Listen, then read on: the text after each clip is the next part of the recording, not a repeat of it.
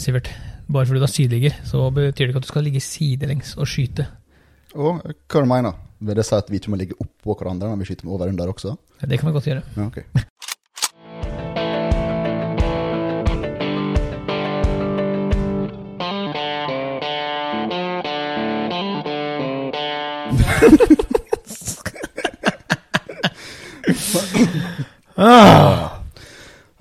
da eh, velkommen til en ny episode med Jaktbrekk.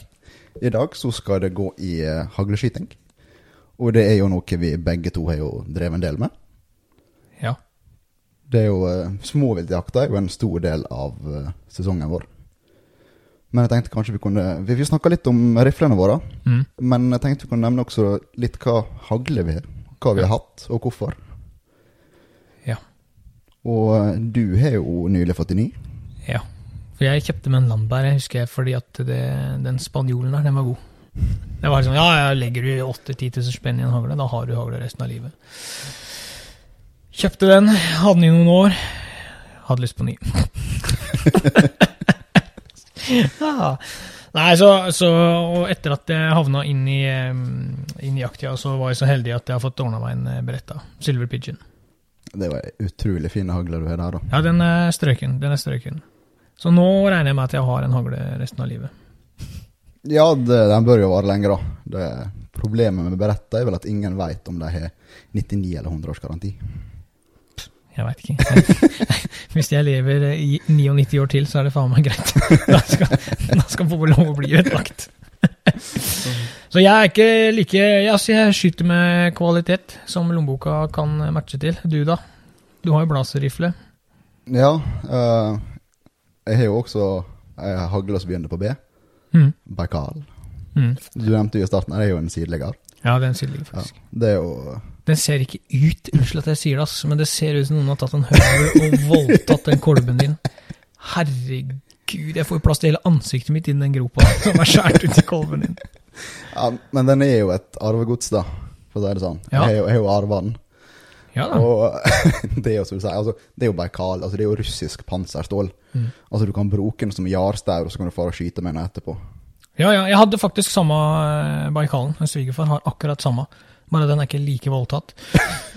Så jeg jakta faktisk første, første to-tre sesongene mine med samme hagla.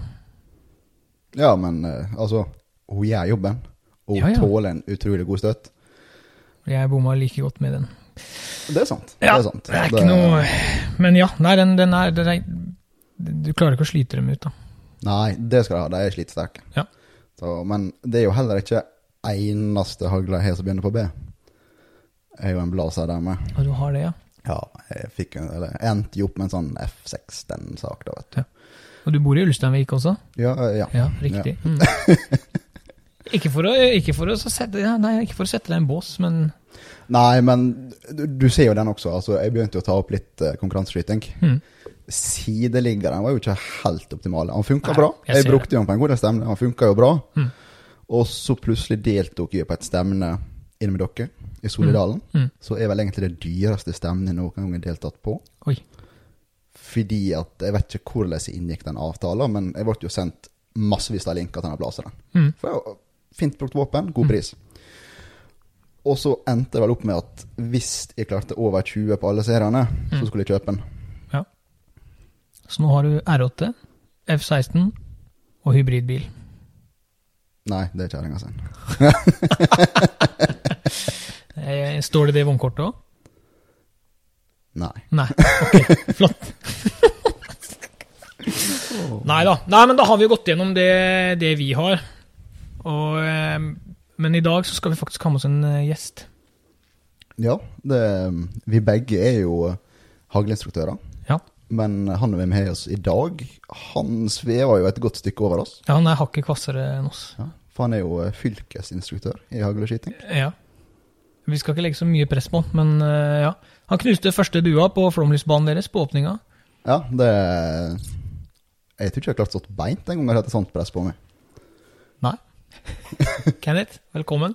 Takk for det. takk for det. Veit du hva du har gått til nå? Hva du sa nå? Veit du hva du går til når du sitter her nå? Nei. Nei. Nei, men det er bra. Da er vi, da er vi like langt alle sammen. Ja. Ja. Men Kan ikke du fortelle litt om deg sjøl? Du er fylkesinstruktør i Møre og Romsdal. Men eh, hvem hvem er du? Hvem jeg er? Eh, Kenneth Espeseth, ca. midt i 30-åra. Småbarnsfar. Aktiv eh, konkurranseskytter innen hagle. Eh, Jeg har jakta siden jeg var en neve stor, altså lenge før jeg har lov. Begynt med konkurranseskyting for ca. seks år siden. Av eh, naturlige årsaker nå så har det siste året vært litt mindre konkurranseskyting. Eh, Fylkesinstruktør i haglskyting. Og med et brennende interesse for å se andre faktisk få til haglskyting. Det var vel egentlig hovedgrunnen til at jeg eh, takka ja til fylkesinstruktørtittelen. Mm. For jeg mener det at det er små ting som skal til for å gjøre store steg fram. Ja. Ja. Der vet du, der er du han han Kennethen jeg kjenner. Ja. Det er den lidenskapen for å hjelpe andre videre. Ja. Men, men dere har et kjempemiljø her ute på Nå sitter vi jo på Løkemyra. Mm. Og på, på anlegget her, også i Herøy og Sande, da, i foreninga, så er det jo Dere er svære på haglebiten, på skytebiten. Her er et veldig godt miljø. Her er, Ja. Og det er et veksende miljø. Vi prøver å rekruttere av beste evne. Mm. Og det ser vi det at det, det fungerer faktisk. Ja. Nå fikk jo vi eh, et veldig bra flomlysanlegg her eh, Mm. for en liten stund tilbake. Kjempesvært luminellanlegg. Og det er vel få baner som kan skilte med den eh, lyssettinga vi har her. Det lyser langt, ass. Det er langt, det er sterkt, og det er, det er ikke tvil. Du ser du òg. Ja, ja, ja. Jeg har jo vært og flydd med drone over her mens dere har holdt på å skyte, og det ja, Det er nok filmlys, for Ikke, å si det sånn. ikke kom for nær. Nei, Her er folk som sjelden bommer. dyreste leirdua som var. Nei, men, men det er et jækla fint anlegg, ass, og folk kjører egentlig Kommer jo fra alle kanter i fylket. Kjører fra Ørsta, Volda, overalt innover. De gjør det. de gjør det. Nå er jo vi eh, haglebane bare innen en halvtime herifra også, så Ja. her er absolutt gode treningstilbud. Ikke Ja. kun med oss. Nei. Men eh, tilbudene er der, og de er veldig, veldig bra. Ja, det er bare å møte opp. Alle er velkommen, Ja, ja. Her er alle velkommen. Ja. Er du Mm. med deg, er du eh, mindreårige, så ha med deg foreldre. Vi har masse instruktører, dyktige instruktører. Her er våpen til utleie. Mm. Her kan du komme kun i buksa du går i og genseren du står i. Ja. Velkommen alle sammen. Det er så kjekt. Men det er sånn det er, vet du. Ja, men det er helt uh, nydelig. Men vi må gå litt dypere inn i det, for hva så, ja, Jeg og Sivert er jo hagleinstruktører. Jeg kan ta en nybegynner, og så kan jeg si det at uh, du har eh, eh, montering og fotstilling. og så Jeg og Sivert har laga en liten film om dette. Hvordan vi på en måte starter fra scratch til du treffer denne dua. Mm. Men hvis vi skal ta det litt grann videre, da. Hva skal en Ja, ta meg, da, for eksempel. Jeg skyter uh, jevnt og ålreit 20 pluss på en serie, men jeg er ikke han som knuser 25 duer, liksom. Men hva er, det, det en person som meg? Hva ser du etter da, når jeg står og skyter? 22 på den ene serien, 23, 21. Hva er det som skal til for at de tre-fire siste duene går? Dette der var det som interesserte meg veldig når jeg begynte å skyte med uh, hagle i form av konkurranse. Mm. Jeg så på resultatlistene at hvorfor kan alle som er ja, gjennomsnittlig og litt over snittet god, skyter fra 20 til 25? Mm.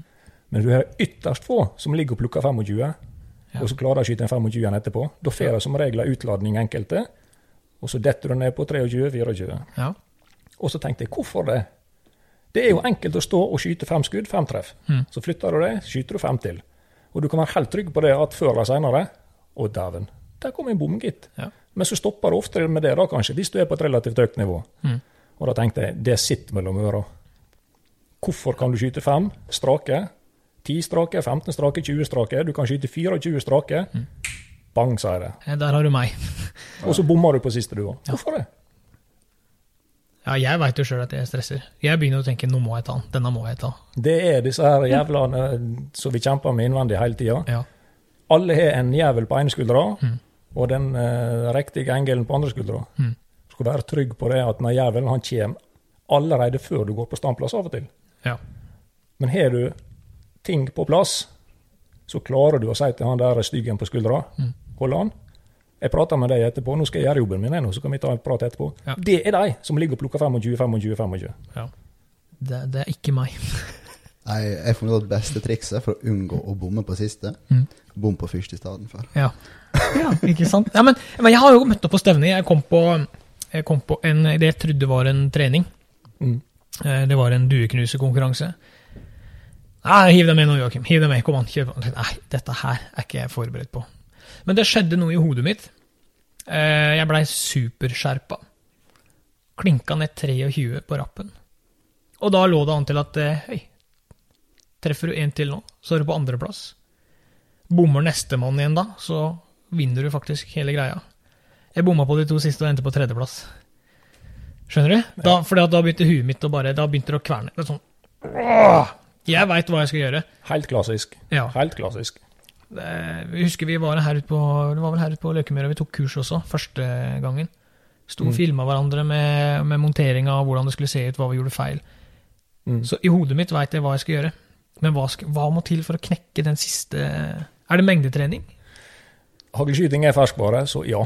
Ja. Det er mengde inntil den grad at du kommer opp på det nivået der du kan ligge på en ja, si ifra 20 da, til 23-24, men du ligger og sliter på dette her siste to. Ja. Da er det rett og slett det som det, Da går du inn på det mentale. Mm. Som Sivert nevnte her, at det er Han vil heller bomme på den første enn den siste. ja. Men du har ikke gjort jobben. Er det like galt å bomme på den første som den siste? Ja. Eneste forskjellen er at du har ikke vært skikkelig påskrudd på første skuddet. Nei. Men du har påskrudd resten av serien. Ja. Hvis du bommer på siste skuddet, men du treffer på de 24 første, så er du påskrudd, Mm. men du, du skrur av for tidlig. ja. Det er ikke bra, det der. Det er ikke, det er ikke verre enn det. Er du påskrudd før du går på plata, Mm. og du klarer å hvile hodet ditt mellom Men det kan vi snakke litt mer om etterpå. Mm. Hvile hodet ditt mellom hvert skudd, så kan du skyte bom fritt. Men det kreves trening, og det er mental trening. hadde vært så moro å få til en sånn serie, på, altså to serier på rappen. da. For det På trening Jeg og Sivert har stått her vi har skytt konkurranse mot hverandre. Det er samme greia. Vi er ganske jevngode hele veien. Så er det de siste avgjørende. Da kommer den der konkurransebiten inn. Da er det den jævelen på skuldra jeg snakker om. Han Ja. kommer fram, kvisker deg i øret. Ha-ha-ha, har du kontroll nå? Ja. Nei, det er du faen ikke. Nå skal du høre på meg, er du? Ja. Nei, det er han du må si. Pst, Gå vekk, prate med deg etterpå. Gjør jobben din. Hvis du tenker når vi sto og skøyt, Mm. så skøyt vi bare helt løst og ledig. Og vi plaffa jo ned det som var, ja. helt til vi kom på slutten og begynner å se at vi har skutt likt. ja, vi har skutt likt. Og gjorde en konkurranse ut av det. Da begynte ting vet du, å gå litt mer utfor. Ah, det er ikke bra. Men det er klart, da ligger du mellom øra. Men, jeg, så, eh, men jeg, har, jeg ser det på banen, og nå har ikke jeg justerbar kolbe på hagla mi. Mm. Men jeg har sett veldig ofte at folk skyter 12, 13, 14, 15, så bommer de på 5-6 på rappen etterpå. Og så er de framme med brak og nøkkel, og så skal de justere. Ah, hagla sitter ikke godt nok. Men jeg mener, skyter du 15 av 25 på en serie, så er du ikke hagla Er det, er det hagla da, eller er det mannen? Nei, altså hvis det, Dette er jo et vidt spørsmål, men hvis du har skutt en del hagle, og da mener jeg mellom 3000-5000 skudd, Mm. og du ligger sånn på en 15-16-20, og så får du 3-4-5 på rappen, Mm. og du har trent inn den muskelhukommelsen din som du vil få etter 5000 pluss, så er ikke det hagla sin feil. Du kan stille det ut på viddene. Det er folk som sier det at det er dagsforma, det er, gjør at du er stivere i nakken, at du får ikke kinnkontakter, sånn og sånn. Er børsa på plass i kinnet ditt? Er øynene dine på skinna der du skal være? Gjør du de rette tinga, så er ikke det hagla som bommer, det er du som bommer, Ja. For hagla, den går jo der hvor du peker den. nemlig. Ja. Men dette, dette har jeg lært. Jeg, selv om jeg ikke er eh, opp, eh, oppe i toppen, så har jeg kommet såpass at jeg kjenner sjøl når det går godt. Jeg kjenner sjøl at 'åh, dette var bra'. Jeg, før jeg trekker av på bomma mine, så bare 'å nei, nå bommer jeg'. Altså, det, det er noe som skjer, da. Du lærer deg å se hva som skjer, hva du gjør riktig, hva du gjør gærent. Ja, ja. Toppidrettsutøverne, langrennsløpere, de kommer i mål, kan ha vunnet et løp, men de sier at de har slitt hele løpet. Det har vært tungt hele veien. Mm. Sånn er det med haglskyting. Ja. Du merker det når du kommer på standplass og du begynner å skyte. Du kan stå på et viktig stemne. Du kan faktisk klare å skyte 25, men du er dønn sliten etterpå. Mm. Det høres rart ut, men du jobber så hardt for å klare å gjøre de rette tinga hvert skudd Ja. at det, du, du sliter. Du, du blir sliten. Og så er du de seriene når du kommer på standplass. Skyt 25, du treffer 25, og ting bare flyter. Mm. Og da hører du om de toppidretts- toppidrettsutøverne som har gått løpet, og det var bare ting klaffa i dag. Ja. Sånn er det med hagleskyting òg. Ting klaffer, ting sitter. Du tenker ikke på andre ting enn det du skal. Da flyter ting. Da går det. Mm. Men det kreves trening, det gjør det. Absolutt. Jeg har lyst til å bli så god. jeg har lyst til å bli så god. Det viktigste er egentlig å slå Sivert, så det er ikke så jævla farlig med resten. Du skjønner jo nå hva som ligger bak her. Ikke sant? Det, det er jo den biten der, da. Men, men nå så ser vi også de som driver og tester ulik ammo og sånne ting. Ta, vi kan ta meg som et eksempel igjen, da. Ikke blant de beste, men heller ikke helt ned i nybegynnergropa. Vil det være avgjørende for meg å kjøpe ammunisjon som går litt kjappere eller litt treigere? Nei. Ok. Det er helt uvesentlig hva fart som er på hagla. Ja. Det som er viktig, det er at det du finner ammunisjon Mm. i de børser som har et spredningsbilde du er fornøyd med, Mm. ut ifra ditt tempo å skyte med. Og da er vi også inne på sjåk, valg av sjåk. Skyter du med trangbåring, og du monterer veldig raskt, og skyter like raskt som du monterer, Mm. ja, da, du, da driver du prikkskyting. For da er haglsvermen så liten, og når du skyter så fort, at da skal du være Der er ikke slingringsmonn. Det er enten bom, eller så er det bare støv i himmelen av Ja. bua. Så valg av ammunisjon Finn en ammunisjon som du er fornøyd med i de børser. Ja. Skyt gjerne på papp. Det er anbefalt. Noen sier du skal ikke gjøre det. Jeg mener du skal gjøre det. ja, selvfølgelig. Ja. For det varierer veldig på ammunisjon til ammunisjon, og sjåk til sjåk. Mm. Jeg har to ammunisjoner med meg her i dag, der den ene skyter et ovalt skuddbilde med hagl, og der den andre er trillende rund, med jevn dekning i hele svermen. Så finn din ammunisjon som går godt. Finn sjåken som passer din monteringsfart og skuddtempo. Ja, så det er ikke noe vits å sitte og nerde og liksom lese opp at den ammoen er sånn og den ammoen. For det, det, det, det, det lærer vi jo på jegerprøven nå, det. Alle, har, altså alle børser er ulike. Alle løp er ulike. Ja. Ingen ammo går likt i hvert um, Så det gjelder rett og slett på konkurranse nå, ikke sant? Ja. Det, Det det. om det heter det ene eller det andre, så er det fortsatt din hagle og din skytestil som avgjør hva du skal bruke. Det er det. Ikke det, er det som står på pakka. Helt korrekt. Men det er klart, vi blir jo lurt av reklame. Sånn er jo vi mennesker. Jo Se, ser det fancy ut, så er jo det, og er ammunisjon dyr, så tenker jo folk automatisk wow, den treffer bedre. Ja. Det er ikke sånn. Nei, jeg har testa mye på papp, eh, jaktammunisjon, da. Mm. Eh, Riktignok eh, på det jeg bruker på, på rypa. Mm. Og der ser jeg faktisk så stor spredning i enkelte ammunisjonstyper og choker at jeg kan bomme på to ryper i samme skuddbilde. Skjønner du? Det ser ut som et åttetall med hagl bare rundt. Mm. Ja. Det er jo fantastisk. eh. Ja, Og så skyter du litt mer, litt andre avstander, setter i en annen sjåk, plutselig så Der. yes. Denne skal jeg ha. Ja. Men jeg bommer på jakt for det. Det er ikke det jeg sier, altså. Men da, ja, det er vi alle av og til. da kan jeg ikke skylde på, på børsa. Nei, men du kan jo skylde på ammunisjonen, da. Nei, nei, jeg kan jo ikke det heller. Jeg kan jo ikke det, Men det er som vi snakka om med rifle òg. Altså, først når børsa går, så er det mannen bak. Det er det som regel det, da. Det, og, jeg, og det som også er en grov feil jeg gjør eh, på jakt, det er jo avstand. Mm. For når jeg står her på banen, så veit jeg at når jeg roper 'hoi', så er det halvannet sekund, så kommer den dua i en eller annen retning. Pipa mi peker på lista på bunkeren, altså jeg veit sånn cirka hvor jeg skal starte, og så treffer jeg. Den får du ikke på jakt. Det er jo to forskjellige skytestiler. Ja. Ja, ja, det er det. Så, Men ja. Men en har jo Det er jo hagleskyting, begge deler, om du står på bane eller på jakt. Mm. Men hvis en tenker at det er jo litt forskjellige situasjoner, vil treninga på bane hjelpe deg på jakt? Ja, det vil det. Utvilsomt. Hvis du aldri har tatt ei hagle, og så går du på jakt, da eh, har ikke du plat- plattforma di på plass. Det blir litt som å sette seg i en bil og kjøre første gang uten å ha vært på kjøreskolen og tatt lappen. Det går i rykk og napp. Mm. Du kommer nok fram til slutt, og du klarer nok å ta den rypa til slutt også, men du veit jo ikke helt hvordan du skal gjøre det på enklest mulig måte. da. Nei. Dra på banen, skyt, få repetisjoner i kroppen, få monteringer i kroppen. Du vil faktisk se det når du er på banen, hvor raskt en fugl faktisk kan bevege seg. Det er fort. Det er fort. Mm. Du har ikke god tid verken på jakt eller på bane. Nei. Tren, repeter, tren og repeter. Ja.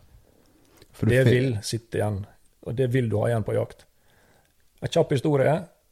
Eh, når jeg var på det mest aktive i 2018, så var jeg på skarvejakt på høsten. Det året så skjøt jeg ca. 17 000 skudd i løpet av 2018. da var jeg relativt aktiv i, og trente. Jeg skulle på skarvejakt.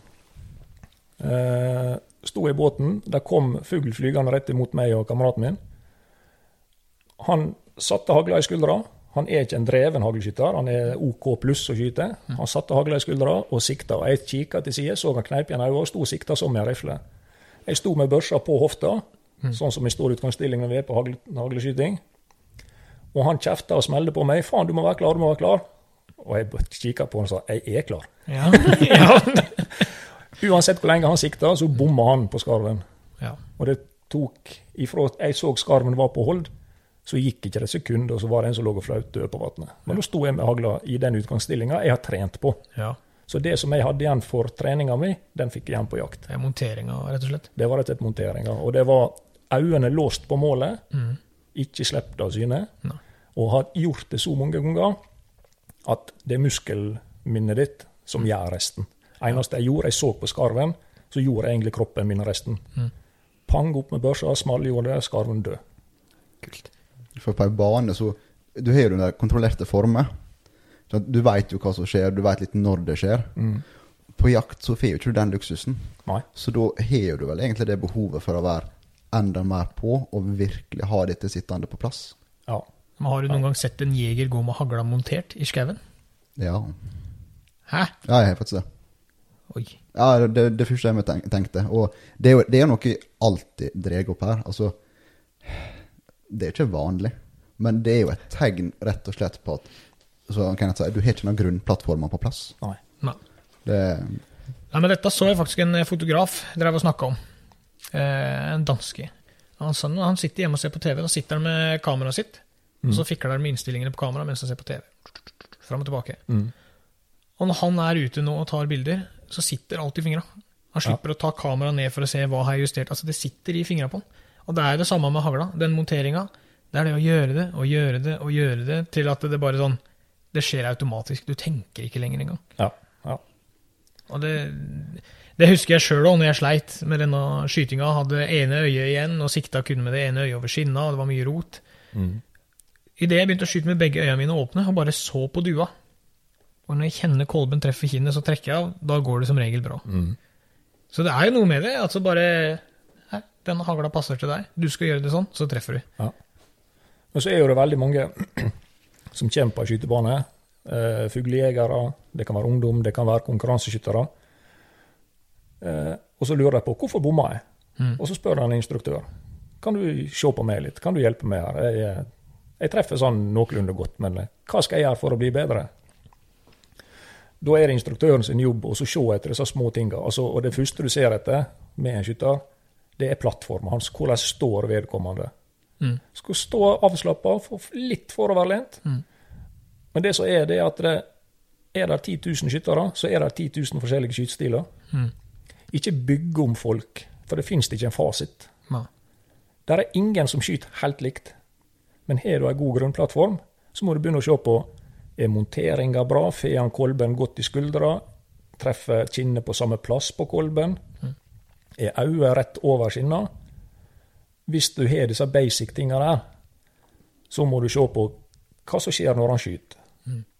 Kniper han igjen øynene, løft- løfter han hodet fra kolben idet han trekker av. Hvis alle disse basic tinga er på plass, så er det egentlig kun der løpet peker, som er litt feil. Litt langt bak, stort sett. Veldig, veldig ofte så ser du det at vi kommer aldri fram til, til, til fuglen eller til dua. Nei. altså, det jeg husker best, for at og Kenneth er jo en av de som har pirka på meg med, for å si det sånn. Ja. Og jeg fikk jo alltid høre det at jeg løfta ikke løpet høyt nok. Men Nei. så er jo problemet det at jeg er jo harejeger. Har du noen gang sett en hare flyge, eller? Jeg er ikke vant til å løfte hagla så høyt. Nei. Nei, men det er jo noe med det. Altså. Det, kommer jo på hva du skal eh, jakte, så klart. Men, men jeg Ja. Det, det er som du sier, det er vel de siste små bita, ja. Som, Mm. Og mengde og mengde og mengde. Men, men hvor mye har du å si at hagla passer? Hvor mye har du igjen for å reise inn til en, eh, til en som selger hagler, og få den tilpassa deg? Hvor mye, hvor mye har du å si? Det vil jeg si at det er litt med hvor ivrig du sjøl velger å være. Altså Det er litt opp til hver enkelt, egentlig, tenker jeg. Mm. Uh, Har du ei hagle som er perfekt tilpassa deg, så betyr ikke det at du blir en bedre skytter. Mm. Det blir ikke du.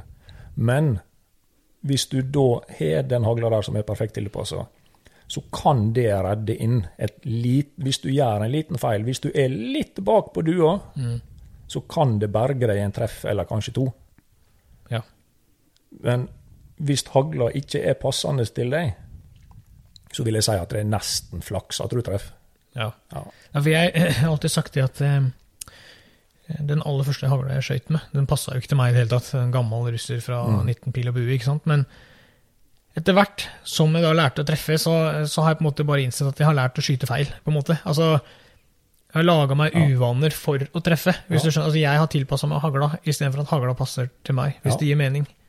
Jeg hadde, Den første konkurransehagla jeg hadde, det var en Resini S2000. Den kolben, Det var en grepskolbe på den, men den var overhodet ikke tilpasset til meg. Når jeg monterte henne kjapt, sånn som jeg bruker å gjøre, så så jeg det at jeg lå langt på sida på skinna med øynene mine. Mm. Men etter x antall repeteringer så klarte jeg å venne meg til det. Og som du sa nettopp, at det, du, du kan legge deg til en uvane som faktisk kommer deg til din fordel. Ja. Men det er jo ikke anbefale da. Men Nei. selvfølgelig, det kan trenes opp. Det Ja. kan det absolutt. Ja. Altså, så hvis du da går inn til en uh, sjappe og får uh, rettedropp og cast-off og litt sånn at ja, denne passer til deg, det er mm. greit, så er det nok det for en som skal skyte for moro skyld. I aller høyeste grad. Ja. I aller høyeste grad. Og, men det var jo som jeg nevnte litt, at det er ei perfekt tilpassa hagle Mm. på store stevner, mye konkurranse, eller store konkurranser. Ta NM for et eksempel, der det ofte er mye nerver. Enten du vil innrømme det eller ikke, så er sjøl de beste skytterne nervøse. Ja. Så kan denne der eh, ene lille slurven du gjør, den kan være nok til at det du faktisk klarer å redde din. For at børsa er, du er så sentrert. Du er der, men du er ikke der allikevel. Ja. Mm. Genialt. Jeg anbefaler å få ei børse tilpassa, for det gjør noe med det mentale også med deg. Det er jo en jækla god følelse da, å ha noe som sitter støpt til deg. Ja. I hvert fall hvis du, er, du skyter litt aktivt og er litt eh, på konkurransestevne og sånn, så ja. Det, altså, det er gøy. Ja, men det merker jeg sjøl òg, for jeg gikk fra Landbæren. Det var en sånn lettvektshagle. Den hadde jo mye kortere løp, og det var fjerna eh, Loddinga mellom løpa var jo fjerna, så den skulle veie minst mulig. En sånn lettvektstype. Og når jeg da fikk denne Silver Pigeon-hagla jeg har nå, med litt lengre løp, den veier en halvkilo, 600 gram mer, Ja. så skyter jeg penere, fordi at jeg har en helt annen sving. Jeg har jo helt, en helt annen montering og sving i børsa når skuddet skal gå. Ja. Så det er klart eh, Men det er, det er ganske store forskjeller på de haglene, da. Men det er klart, da merker man jo forskjellen. Det er han. det er han. Legger du penger i ei børse, så eh, i ei konkurransebørse f.eks., så, så får du et våpen som er perfekt balansert. Mm. Det er ofte, Du kan jo velge løpslengde, men Ja. det i utgangspunktet kommer det en erfaren skytter, så velger han den børsa som er godt balansert, med relativt langt løp, framfor den gode, gamle russiske Starbaikalen. Ja. Kanskje. ja, men, når, Sivert går på jakt, så stikker den russeren opp av sekken hans. Men det skal sies, jeg har skutt 25 med en Starbaikal. Ja. Jeg har skutt 25 med min nye konkurranseagler Resines S2000. Mm. Altså, det er ikke, han skal ikke skylde på haglene. Hvis du har en hagle som er noenlunde tilpassa, så, eh, så da er det mannen, altså. Og har du skutt en hel del, så spiller det nesten ikke noen rolle hva hagle du tar i. Hvis du er veldig god å skyte, så kan du ta hagla Sivert, eller hagla di, Joakim, og ja, jeg tror du òg blir knust hvis det er en oversnittet over god skytter. Ja, da får vi. Det er litt fælt, da. For da er det jo kun oss det går på, egentlig, hører jeg. Da vi, må, vi må trene mer. Det er så fælt. Nei, men hvis du fikk med deg hva han sa nå, da. Hvis hagla er helt ut av jordet, så kan jeg av og til skylde på Baikalen min, jeg, da. Men så kan jeg også av og til gi meg sjøl skryt for at jeg er god å skyte når jeg treffer. Ja, det. Ja, så eh, jeg sitter igjen med noe her nå, vet du. ja, du får skryte av deg sjøl. Jeg kommer ikke til å gjøre det. men, men hvordan skal man trene mest mulig effektivt, da? Hvis jeg, hvis jeg kommer hit, jeg og Sivert kommer hit, begge to. Igjen, vi er ganske like når det kommer til, til skytinga, da. Vi er, vi er jevnt over like gode, Ja. eh, vil jeg tørre påstå. Men hva, hva er det vi, hvordan skal vi trene mest mulig effektivt? Hva er det vi skal gjøre for å ta det ett steg videre? Der er min oppskrift egentlig veldig enkel. Begynt å tenke på Hvis du står opp om morgenen og du vet at du skal på skytebanen i dag, begynt allerede forberedelsene med når du står og pusser tennene om morgenen og vasker deg i trynet. Og så visualiser hva du skal gjøre på skytebanen. Se for deg at du står der og monterer, og du skyter dua. Her er det viktig å visualisere det som er positivt, og ikke det som er negativt. Ja. Husker du Morten sa dette til oss? Ja, det er det faktisk. Da han sa vi fikk streng beskjed. Du skal bare kaste bort det som går dårlig. Fokuser på hvorfor det gikk bra, fikk Nam- vi beskjed om. Nemlig. Ja. Nemlig. Så skytinga starter du egentlig allerede fra morgenen av, da. Ja. I 2018, når jeg var på det mest eh, hissige med skytinga mi, så uh, sto jeg med tannkosten i kjeften, og jeg monterte jeg skyggemonterte på badet hver eneste morgen. Hadde jeg fem minutter ledig Jeg satt i, i ferjekøa på Haraldsulsund, og jeg satt og monterte i bilen. Og han ferjebilletøren han trodde jo sikkert at jeg hadde tics eller et eller annet. Men da satt jeg med og gjorde bevegelsene med hendene mine som om at jeg skjøt ei due. Jeg visualiserte hele veien. Mm. Når du kommer på banen, og du har allerede gjort de forberedelsene der, så veit du hva du skal gjøre. Legg gjerne en plan for dagens trening.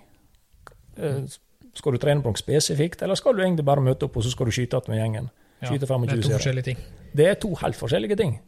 Og så er det ofte sånn at jeg møter mye kamerater og kjentfolk og venninner og sånn på skytebanen. Så har det lett at det, fokuset blir litt Det flyter litt ut, Du detter litt mer over på det sosiale Ja, enn på det å nemlig. prestere. nemlig. Kaffe og Kvikk Lunsj. Kaffe og Kvikk Lunsj, det er aldri feil. Men hold, ba- bare 18 av 25 i dag, men det driter jeg. Fikk kaffe og Kvikk Lunsj. nei, hold fokuset på trening. Når du tar børsa di, drikk kaffe og spis Kvikk Lunsjen din du og kos deg i pausene. Ja. Men når du går på standplass, så skru på. Mm. Prøv å konsentrere deg om hvert skudd. Og når du har skutt et skudd, så glem det skuddet. Mm.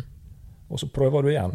Det betyr at du gjør egentlig skyter du en serie på 25 skudd, så gjør du 25 forskjellige oppgaver. Ja. Ha fokus på disse små tinga hvert skudd. Og så skru av, og ta gjerne en kaffe og en Kvikk Lunsj til i neste pause. Men når du, når du er så fokusert når du stiller på et stevne så Vi begynner liksom å komme ned på detaljnivå. Ja. Altså, Vi tenker både bekledning, utseende, den biten der. Hvis noe mangler eller går skeis, vil, hvor vil det påvirke? Er du så fastlåst at om, om du har feil sko den dagen, så sliter du? Jeg skal være helt ærlig og si jeg var sånn, ja. Jeg hadde, når jeg begynte å skyte konkurranse og jeg så at det, det var faktisk mulig å treffe litt, og eh, jeg la inn en del trening, så var det faktisk sånn at jeg måtte ha på meg et spesielt skopar. For de skoene var paddeflate og bonde. Og da trodde hodet mitt, eller jeg sa til hodet mitt, at det, nå står du bedre. Nå skyter du bedre. Det er jo bare tull. Det er bare vas. Du lurer egentlig deg sjøl til å tro på det, da. Du gir, det eneste du gjør, det er at du gir deg sjøl enda en oppgave å fokusere på. Og det er jo dumt. Fokuset skal jo være kun på én ting, det. Ja. Du òg. Ikke skoa. Nei, det, men du, du nevnte jo det med å starte fra skrett, og starte på nytt for hvert skudd. Jeg ser jo mange på en måte eh, fyller jo lommene sine med ammunisjon. Ja. For vi skyter jo fem skudd per plate, og så flytter vi oss. ja. Og med å ikke ha fem i lomma til hver ei tid, så veit du på en måte ikke hvor langt i serien du er kommet. Mm. Er det et er det litt samme? Lurer vi oss sjøl bare da, eller er det et sånt lite triks som kan være med på å få oss til å starte på nytt? ja trikset er å ikke tenke på det. Ja, men hvis, du har, hvis du har fem skudd i lomma, da tenker du på det. Ja, det Å, nå har jeg bare ja, ett ja. igjen, og jeg traff på de fire forrige. Nei, men dette eh, Der er jo noen som går fram på standplass, og de har jo overfylte lommer. Det ser jo ut som en godt lasta båt når de kommer på nesa fram der, for det, det er så mye ammunisjon i lommen der. Og så spør du dem hvorfor. Hva du har så mye ammunisjon for? Nei, jeg må ha det, for det er sånn at jeg ikke veit hvor langt jeg kom til serien. Ja. Men der igjen, da, da har jo det nokså. Og hvis han da er så uheldig at han må ha de rette skoene, så har han allerede ammunisjon å tenke på, han har sko å tenke på, i tillegg til alle andre oppgavene sine. Ja. Nei, eliminer alt sånt. Så jo mindre du har å tenke på, jo Ja. bedre er det. Ja, ikke, ikke tenk på det.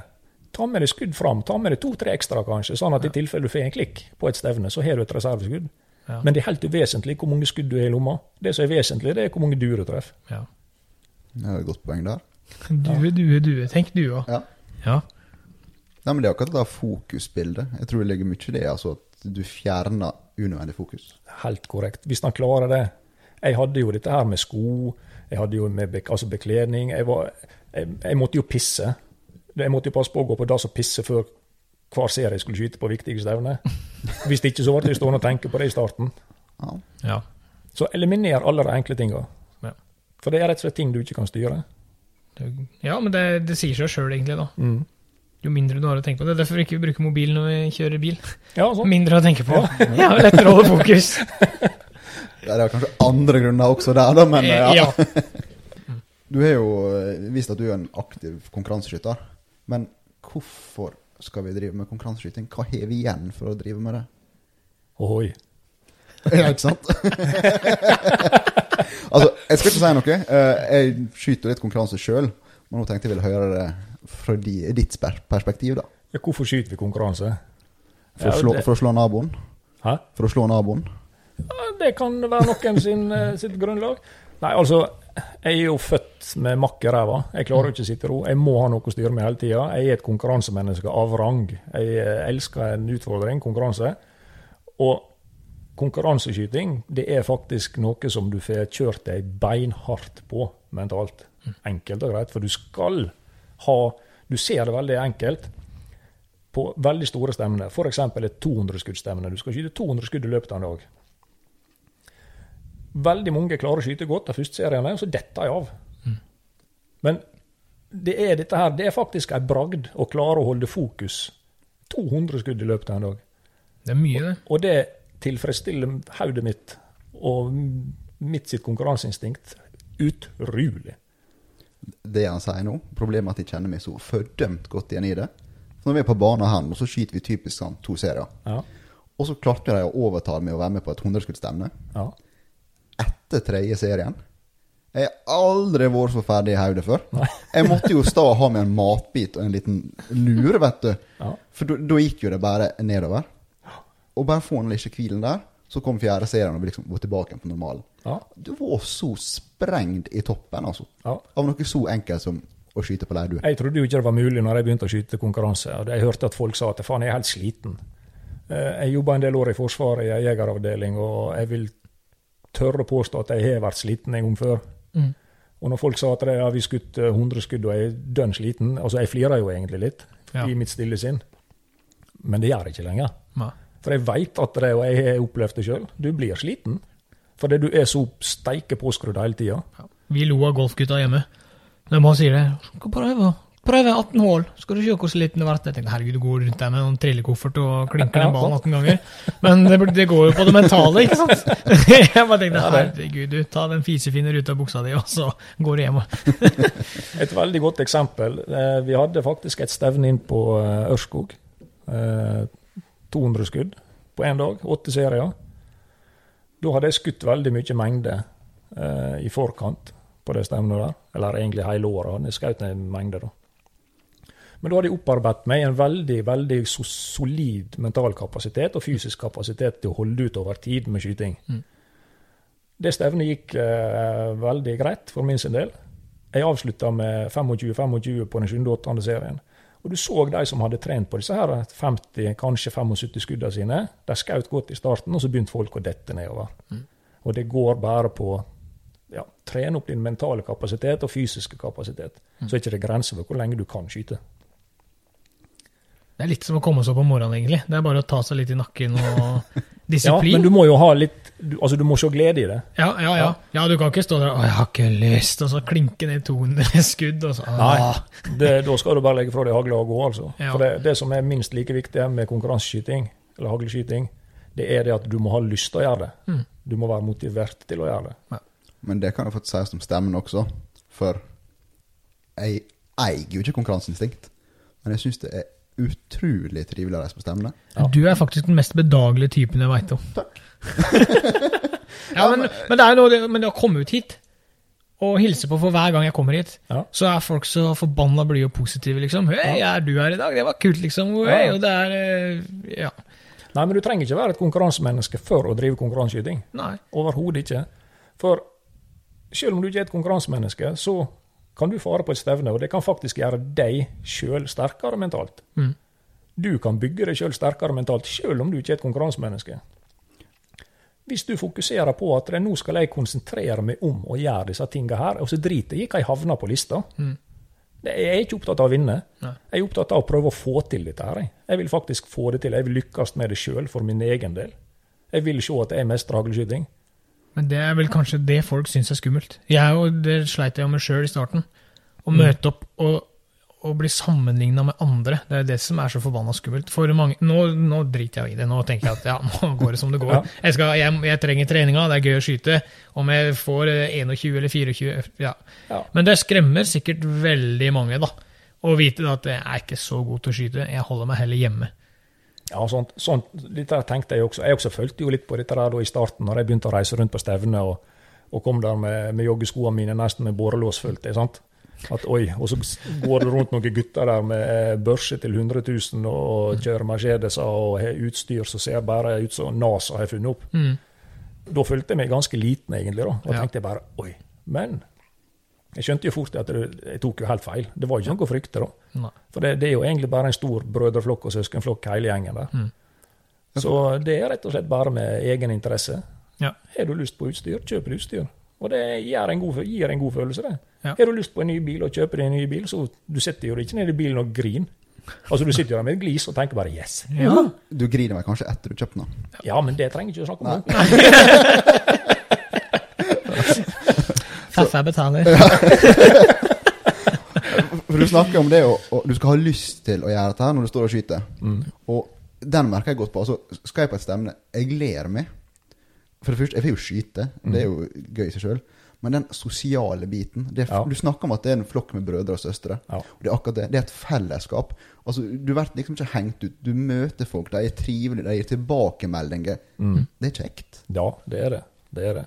Der er veldig, veldig veldig mye fine folk eh, som skyter hagle. Og det, det er sånn at det eh, Ta NM, eksempel, 2018. eh, da var jo en nordmøring i finalen, han Johan Harstad, som for øvrig vant. Ble norgesmester for eh, andre eller tredje året på rad. Ikke på rad, men andre eller tredje året. Da var jo mer eller mindre hele Sunnmøre og Nordmøre samla på eh, tribunebenken for å heie fram da Johan. Det var jo fantastisk å se samholdet så der. Det var trampa applaus når han eh, sto som vinner i finalen. Så det er et knallbra miljø, vil jeg si. Det er det. Og det er ikke sånn at det du, du trenger ikke fancy utstyr. Du trenger ikke å være god å skyte for å begynne på en konkurranse, altså. Nei. Der, der tar vi imot alle vi kan. Og det, det er viktig at det folk eh, blir imøtekommet og, og tatt vare på. Det rekrutterer, det, det gir et godt rykte. For Det kan jeg skrive under på. For jeg møtte opp med en sideleggerstad Baikal på første stevne. Ja. Og som du sa, det var ikke den peneste hagla der. Nei. Nei, men folk er Men folk er jo hyggelige på stevner, og det er ikke bare på trening. Fordi jeg har skutt stevner og ikke gjort det veldig bra. Folk bak meg har stått Du, prøv å gjøre sånn i neste serien din. Jeg ser at du sliter litt med det. Prøv å Ja. gjøre sånn og sånn. Ja. Og så Å ja, jeg vet hva, du har kanskje rett. Fordi når folk ser det utenfra, hva du sliter med, og hva som kan være Så du, Mm. du får hjelp hele veien. Rettledning og veiledning og Ja. Ja. Det er bare moro. Det er det. Vi var faktisk på en trening inne i, inn i Ørsta Mm. eh, noen år tilbake. Da var det en eh, Jeg husker ikke helt hvor gammel han var. eh, 16-17 år. Og Da sto der en gutt og skjøt. Og jeg så at han hadde en veldig veldig god plattform. Og han slurva bare med noen sånn helt små detaljer. At han fikk ikke kolben skikkelig høyt nok opp. Mm. Men jeg så at han hadde liksom Oi, her er et potensial. Så han var ferdig å skyte serien sin. Så bare gikk jeg bort og så tok jeg han forsiktig på skuldra og så lurte jeg på om jeg kunne få lov å så hjelpe han litt neste serie han skulle skyte. Ja, ja, ja, litt sånn blyg og litt sånn forsiktig. Og faren satt der og gliste på, på tribunen der. Så jeg korrigerte han lite grann det. Og den gutten, han eh, ja, Å se den gleda i øynene på den gutten der når han bare klarte å gjøre en sånn bitte liten justering, Mm. Ja, det, det gir meg ting, altså. Han skyter mye ryper om høsten òg, han nå skal jeg fortelle deg. Han er en råttast å skyte nå. Ja. Ja. Det er bra. Så det, ja, men det, det er hjelper. Det er småting. Ja, det er Hele det. forbanna veien. Er. Småting, småting. Og, og jeg tenker at jo bedre du blir, blir, øh, blir jo mer, mer må du ta tak i de småtinga. Ja. Det er som du sier, du kan starte med plattform og hvordan beina dine er plassert. Mm. Men så blir fra bein, altså utgangsposisjonen din, da, og bygge videre, så blir jo bare denne pyramiden spissere og spissere. Det er mindre og mindre ting å ta tak i for Nettopp. å få til Nettopp. den siste. Kommer det en helt fersk skytter på banen, så er ikke det vits i å terpe på detaljer med han. Nei. Der er, du, må liksom, du må lære å sykle før du kan sprenge. Ja. Nei, beklager. Gå. Du må lære å gå før du kan springe. Se for meg det kommer en jævla trehjulssykkel. ja. Nei, jeg altså- skjønner hva du mener. Men eh, kommer der en, eh, en dreven konkurranseskytter, så er det detaljnivået du må ned på. Ja. Og når jeg står på, eh, når jeg står på standplass og skal instruere folk, og er det folk som har skutt en del, så ser jeg ikke jeg ut i lufta i det hele tatt på hva som foregår der. Nei. Det er helt irrelevant for meg om han treffer dua da eller ikke. Jeg kan nesten si at det der traff du. Mm. Men det er klart, jeg ser jo ikke nøyaktig hva han har hatt pipa si da. Men jeg ser aldri ut og fyller dua, for jeg er kun interessert i å se hva som skjer før, under og etter skuddet. Mm. Og så kan jeg se ut i lufta etterpå om det ble en knus eller om det var en bom. Ja. Fokuset er, for en instruktør er på han som skyter, Ja. ikke på dua. Nei. Men det er omvendt for han som skyter. Ja, han skal bare fokusere Han på har dua. kun fokus på dua, og så er det instruktøren som skal stå og se hva som er bra og hva som er mindre bra. Men hvor tid altså Nå snakker vi både om nybegynnere og erfarne drevne skyttere. Ja. Men hvor tid kan en komme og be om hjelp? Jeg ber om hjelp. Alle kan be om hjelp. Du kan be om hjelp fra første dag. Du, kan, du må aldri slutte å be om hjelp. Hvis du slutter å be om hjelp, da tror du at du er for god. Da blir ikke du bedre. da. Nei. Du skal i hvert fall være utrolig, utrolig god og ha en veldig sjølinnsikt hvis du sjøl veit alle feilene dine. Hvis du veit det, så gjør det bare å fjerne dem, så gjør du verdensmester. Ja. Det er et godt poeng. Kom og be om hjelp når tid som helst. Men for, sånn, hvis en ser på skytinga generelt, da, altså Som sier, du har forskjellige skytestiler. Ja. Men hva er på en måte de mest vanlige feilene en vanlig skytter gjør? Som han bør ta tak i? Oi, det kommer litt an på hvor langt du er, eh, og hva erfaring du har. Eh, Ser du noen eh, Ta for en måte de som er midt på treet, da. Middels gode vil vært det bedre. Altså, hva er en typisk gjenganger? Eh, hvis du sier middels så vil jeg si det at det, da skyter ikke du nok. Tren mer, for da sitter ting. Men så her gjengangerne på folk som har skutt en del Altså, vi, vi kan starte helt på begynnelsen. da. En helt uerfaren skytter han må ha plattform. Plattform, og så må jeg ha ei plattform. Og så bør jeg helst ha mer plattform. Og etter du har det på plass, så er det rett og slett bare å repetere og trene og trene og trene på monteringa. Da skal ikke du henge deg så veldig mye opp i treff. Men det er jo det vi ofte ser på en bane, det er at de kommer relativt uerfarne skyttere, har med seg noen venner og sånt, og så skal de skyte konkurranse. Skal de skyte om å gjøre å få mest mulig treff. Men da glemmer de liksom, De har ikke det basice. Og treffer da vil jeg si er ja, 80 flaks. Ja.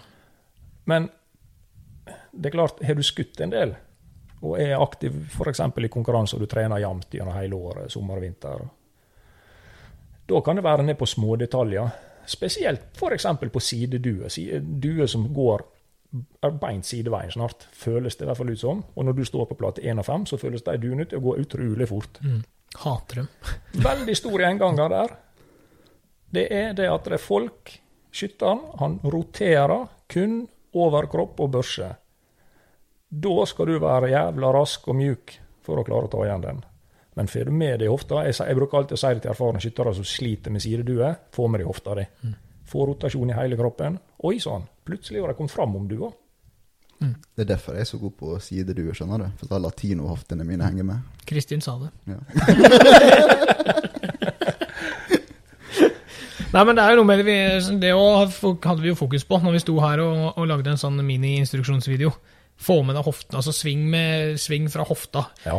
Ikke skuldrene eller børsa di. Ta Ja. hofta, få med hele svingen, ja. Ja. Og gjerne fortsett etter du har skutt, fortsett å dra den svingen enda litt lenger. Ja, ja, ja. Overdriv, rett og slett. ja, overdriv. Helt korrekt. Men da, da, når du kommer så langt, hvor mange skudd skyter man i året før man på en måte kan begynne å Han er god. Jeg, jeg kan skyte på et OK år eh, opp mot 2500 dyr, kanskje. Kanskje 3000, hvis det er veldig, veldig aktiv. Ja. De siste åra klarer jeg 1000 skudd, så er jeg liksom, ja, da tenker jeg at jeg har klart til jakte, men Ja. Men hvor, hvor mange skal man skyte før man begynner å nærme seg det og liksom Ja, det, nå sitter det. Det er veldig Det er veldig individuelt. For det eh, Du kan gjerne skyte masse, masse skudd, men hvis du fortsetter å ha samme resultater hele veien, og du skyter og du skyter og du skyter, og du skyter, da er det et eller annet som du må få hjelp å plukke av deg, Mm. hvis du ikke er klar over det sjøl.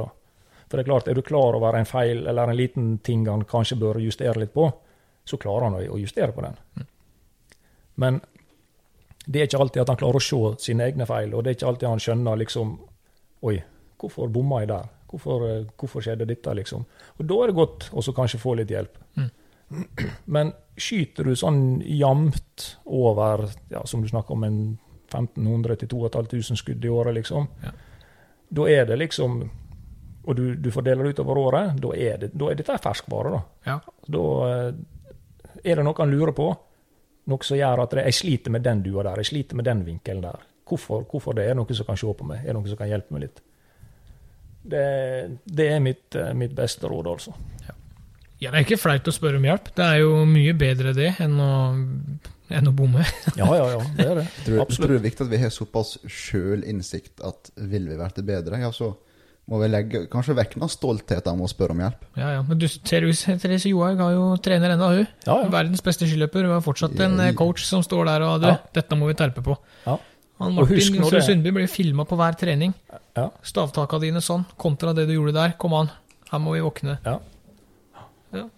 Og det er også i haglskyting. Filme seg sjøl, eller få noen til å filme. Ikke, det er jo vanskelig å filme seg sjøl og skyte samtidig, da, men sette opp et kamera eller få noen til å filme deg. Ja, det, det er god læring, det. Mm. Da klarer du faktisk å se at oi, men da er vi nede på detaljnivå, da. Ja. Men da ser du oi, der letta jeg venstrefoten min i det skuddet, men det gjorde ikke i det andre skuddet. Ok, da må jeg ta med meg det på neste trening, da. Fokuser på beina dine. Der hadde jeg litt dårlig kinnkontakt. Jeg har hatt utrolig godt utbytte av å få se meg sjøl stå og skyte. Og jeg har spolt opp igjen, og jeg har sett, og jeg har spolt opp igjen, og sett, og spolt opp igjen, og sett. Og så har jeg dreiv, dratt på trening, og så har jeg trent på det som jeg evaluerte ut ifra den tidligere treninga mi. Så du har satt egentlig et treningsmål i etterkant, liksom, å få, få vekk de feilene. Ja, og de for utrolig fort. Veldig fort for de. Så det er veldig god hjelp i, altså. Absolutt. Men da er det som du sier, da er det bare å holde litt fokus, konsentrere på plattformen din kontra dua di, da, til Ja. denne sitter. Ja. Nå er, det, nå er venstrefoten der hvor den skal være. Ja. Nå kan vi begynne å konsentrere som om dua igjen, liksom. Nå er foten der eh, jeg vil at den skal være. da. Så en annen ting også, det er det at eh, jeg, jeg, jeg har spurt flere skyttere som har ei utrolig fin montering, og det er veldig, veldig vanskelig å se at de gjør noe feil. Men de bommer likevel. Og da er det av og til jeg går ned og så spør hva du så nå. Hvis du, altså, Skytteren skjøt, det ble en bom, men jeg klarte ikke å se noe sånn spesifikk feil med han. Og da sa jeg så du kornet ditt nå? Ja, ja, ja, ja, ja jeg, så, jeg så jo kornet, da. Ja, altså hva du så mest? Så du kornet ditt? Eller så du dua mest? Mm. Nei, jeg så dua med en gang. Ja, og så Men, men også eh, Ja, jeg merka det at eh, jeg, jeg så litt på kornet, på en måte. Da misser du, og det er en veldig vanlig feil. Du ser dua kommer ut, men idet børsa er smelt opp i kinnet, så skjer det noe i underbevisstheten til skytterne, som har skjedd meg mange ganger, og som er faktisk ganske vanlig. I et brøkdel av et sekund så skal bare, du skal bare dobbeltsjekke at du er på plass. Mm. Og da fokuserer du fra dua rett ned på kornet et lite øyeblikk, og det ser, det ser ut som du gjør det. Altså, du, du, du klarer ikke å se den feilen. Det er autofokusen som rett og slett bare kicker inn? det er rett og slett autofokusen din som bare Og det er noe som er gjenganger. Jeg har faktisk lest litt om det, for det irriterte meg. For jeg merker det med meg sjøl. så jeg var sittende og lese om det. Og når jeg begynte å spørre litt skyttere når jeg reiste rundt og sånn, så har faktisk dette vært en gjenganger. At denne der ikke er jævla kornet. Noen har lyst til å sage det av. Men det er jo rett og slett bare det at du mister fokuset fra dua ned for å dobbeltsjekke skinna di, og så smeller det. Jeg har sånn easy hit på løpet mitt. Er det bare tull, det da, egentlig? Nei, nei, det er ikke det. Nei, det er ikke det? Nei, jeg, jeg, jeg også bruker Easy Hit, for det, jeg syns det er et veldig godt hjelpemiddel, spesielt i litt, hvis vi skyter flomlys og sånn. Ja. Så hjelper den meg med å se Jeg har en liten oransje Easy Hit, Ja, ja som jeg meg. syns, syns det er veldig fin. For jeg veit at når den er Jeg ser jo på dua, men jeg samtidig registrerer jeg at det kornet er i nærheten av dua. Ja. Og når det liksom de to er over ett, da vet jeg at da er jeg på plass. Men du snakker om dette med kornet. Mm. er det noen eh, hva skal det, forskjell fra en eh, nybegynner til en dreven skytter? For altså, når det er ferske skyttere, så bruker du ofte dette kornet som et hjelpemiddel. Ja. Mens når du har kommet litt i sving, da, så ligger det bare i ubevissthet ubevisst at du veit det er det, men du bruker ikke det? Ja. Men som sagt, jeg bruker, det, jeg bruker det faktisk litt nå i dårlig lys. Nå på dagtid skulle vi ha skutt nå, så jeg tenker ikke over at det er der engang. Men det er rett og slett for at når jeg monterer, jeg så sitter hagla på plass hver gang. Og jeg bare pang rett oppi der, og trynet mitt Det det ligger som en fiskepudding nede på gulvet. Jeg har vondt i, i kinnbeina av og til. Og da veit jeg at jeg har hatt en god økt. Når kinnbeina mine er vonde. Da vil du i hvert fall ha nok montering. Ja. ja, men jeg er veldig rask i monteringa. Jeg sliter med at jeg skyter forbanna raskt. Det er sånn, Ja. Idet dua er ute av bunkeren, så er den enten så er den knust, eller så bommer jeg, liksom. Det er bare Ja. Og det er en helt vanlig Helt, helt, altså det Nesten alle gjør det. Ja. Jeg gjør det sjøl, jeg, av og til. Er du rask på avtrekkeren, liksom? Er Ja, det er Når dua kommer ut, og når børsa er montert, så da smeller det. Enten jeg vil eller ikke. det. ja. ja, men det er samme som jeg har. ikke sant? At det nå er Kolben er oppi kjakan, Smack. Ja. Og det skjer litt kjapt. Det, Men problemet med det er jo at du har jo ikke kinn. Så det neste de møter, er bihulene, liksom. Ja, det Det trykker så hardt opp i det ene kinnet at det andre øyet popper ut. Sånn. Men der bruker vi å si at det, hvis vi ser at det folk har veldig mye energi på standplass, Mm. så bruker jeg å si at det teller til 1001, 1002, 1003, og nå skal du få lov å skyte. Jeg har ikke så mye energi. Det, Men jeg skal love deg det at det er ingen som i hele tatt har kommet til De har bikka kanskje 1001, og så er det smolle, men Ja. de har aldri kommet til 2003 og 2005. nei. Men er det frykta for å slippe dua for langt, tror du? Er det det som er greia? Nå, Det, I ni av ti tilfeller så er det faktisk vilja er for stor til å knuse dua, så vilja overgår evna. Så det er som en ung fuglebikkje som egentlig ikke klarer å holde fuglen rolig. til Veldig godt sammenligna. Ja, Veldig godt sammenlign. Da er jeg den valpen. Nei, men jeg, men jeg ser det jo sjøl, og som du sier, det er ferskvare. Så det, jeg merker det veldig godt at eh, når jeg har skutt en del, så Sjøl om jeg veit når vi sitter her nå, jeg har ikke skutt med hagle i år pga. litt restriksjoner og værforhold fram og Ja. tilbake, men, men jeg, i hodet mitt nå så veit jeg hva jeg skal gjøre, men det er det å faktisk gjøre det når jeg kommer på en bane. Det er da det stopper opp. Og det, det, det er trening, rett og Mm. slett. Og så er det dette her med, med fokustrening, mental trening. Mm. Begynn forberedelsene før du skal på trening, eller i hvert fall hvis du skal på stevne. Mm. Og det er faktisk Det er undervurdert visualisering og, og forberedelser. Vi snakker ofte om eh, proaktive folk og reaktive folk. Mm. Hvis du er reaktiv, så blir ikke du god å skyte med hagle. Er du proaktiv, ja, da har du alt til rette for å bli god å skyte med hagle. Og nå lurer kanskje noen på hva proaktiv og reaktiv er for noe. Og enkelt og greit, proaktiv er gjennomført forberedt. Mm. Det går ifra eh, nattandpusten som jeg snakka om. Begynn tidlig på morgenen. Skal jeg på stevne og skyte stevne, jeg står alltid tidlig opp. Jeg spiser alltid en veldig veldig næringsrik frokost med utrolig mye kalorier. Det ser nesten ut som en sånn strongman-diett. Ja. Jeg skal pumpe meg full i kalorier, for jeg vet at det, det er en dag som krever veldig mye. Hjernen trenger veldig mye sukker for å jobbe så hardt gjennom en hel dag. Mm. Jeg tar meg alltid en liten fjelltur, så sant jeg har tida til det. Eller i hvert fall da hjemme før jeg kjører av gårde. Eh, I bilen så er jeg proaktiv hele veien. Jeg sitter og visualiserer. Jeg ser for meg Jeg vet alle seriene jeg skal skyte, jeg vet hvor mange jeg skal skyte. Jeg, vet, jeg planlegger pausene mine, hva jeg skal ete i pausen. Jeg et aldri pølse og drikker brus på et stevne som jeg skal prøve å gjøre godt. Nei. Da er det påfyll med mer, eh, mer næring, sene karbohydrater og fett. Det, det høres sikkert ekstremt ut, men det, det funker fjellet, altså. For det, det gjør noe med deg. For da er du så påskrudd, og du har gjort så gode forberedelser, at det gir selvtillit på plata. Mm.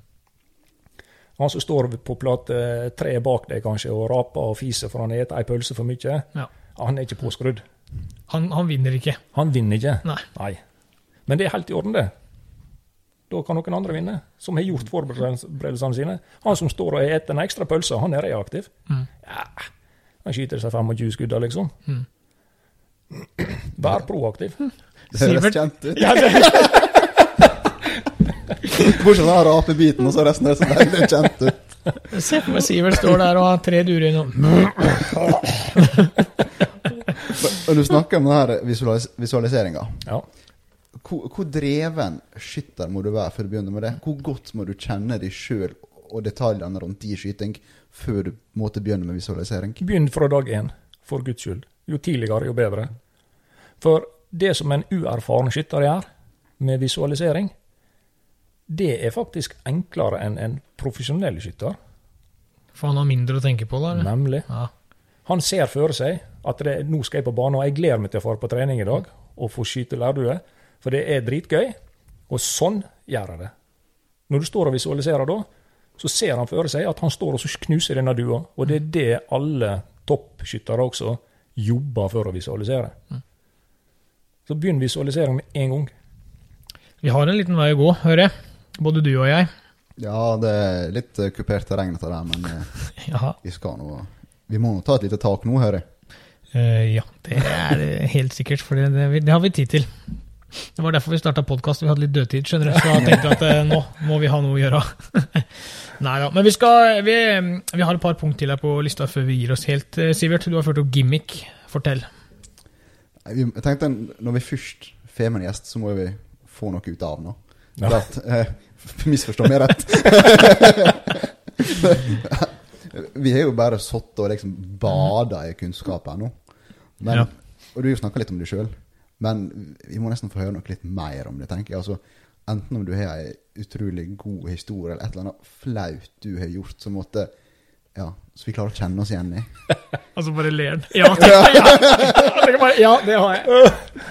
Jeg kan, eh, jo, det som jeg kommer på sånn i første omgang, og det, det er faktisk eh, det, det, er flaut en dag i dag. Jeg bare la det være haglerelatert nå, da. Ikke noe. Oi, ok. Ja. Nei, det var faktisk eh, eh, det første nordiske stevnet jeg skulle skyte. Eh, det var et 100-skuddstevne. Gikk fram på standplass. Jeg var skikkelig forberedt. altså. Jeg, jeg følte meg virkelig påskrudd. Men dette her var jo litt sånn i eh, den spede start med konkurranseskyting for min sin del. Så jeg følte meg veldig godt forberedt. Hadde spist frokosten min og gjort alt rett liksom der, og visualisert. Kom fram på plata, skulle skyte førsteserien. Og da er det sånn at det er de som skyter nordisk, de får lov å ta en funksjonstest, eller det vi kaller utskyt. Det betyr at du kan putte et skudd i børsa, og så får du sikte ut i periferiet, forbi bunkersen, og så får du skyte, sende av gårde et skudd for å ta en funksjonstest på børsa di. Og jeg husker vi var tre stykker som skjøt nordisk på eh, laget mitt da. Og jeg skulle ta utskyt, putta i, og tenkte yes, her er vi klar. Small gjorde det, og vi var klar. Serien starta. Og til slutt så fant jeg ut at det, det var jo dumt å ikke ha med et ekstraskudd, da. Ja. For jeg hadde jo bare 24 skudd igjen ennå, og vi hadde 25 skudd. Altså. Så jeg fikk på meg en ekstra bom. Enkelt og greit. Så det, det var pinlig å si til dommeren at eh, Hello, jeg har ikke mer ammunisjon. Det ligger der Ja, ja. Og Men det da kikka dommeren på meg, og så bare så han på sidedommerne sine, og så bom! Ja. Ja, den tar jeg, altså. Men eh, nei, det var et pinlig. Det var, det ble mye latter på standplass. Mister Espesæter var tom for ammunisjon. Ja. Så det er derfor folk fyller lommene sine, da. Eh, mulig. Det er derfor det ser ut som tankskip og lasteskip når du kommer inn.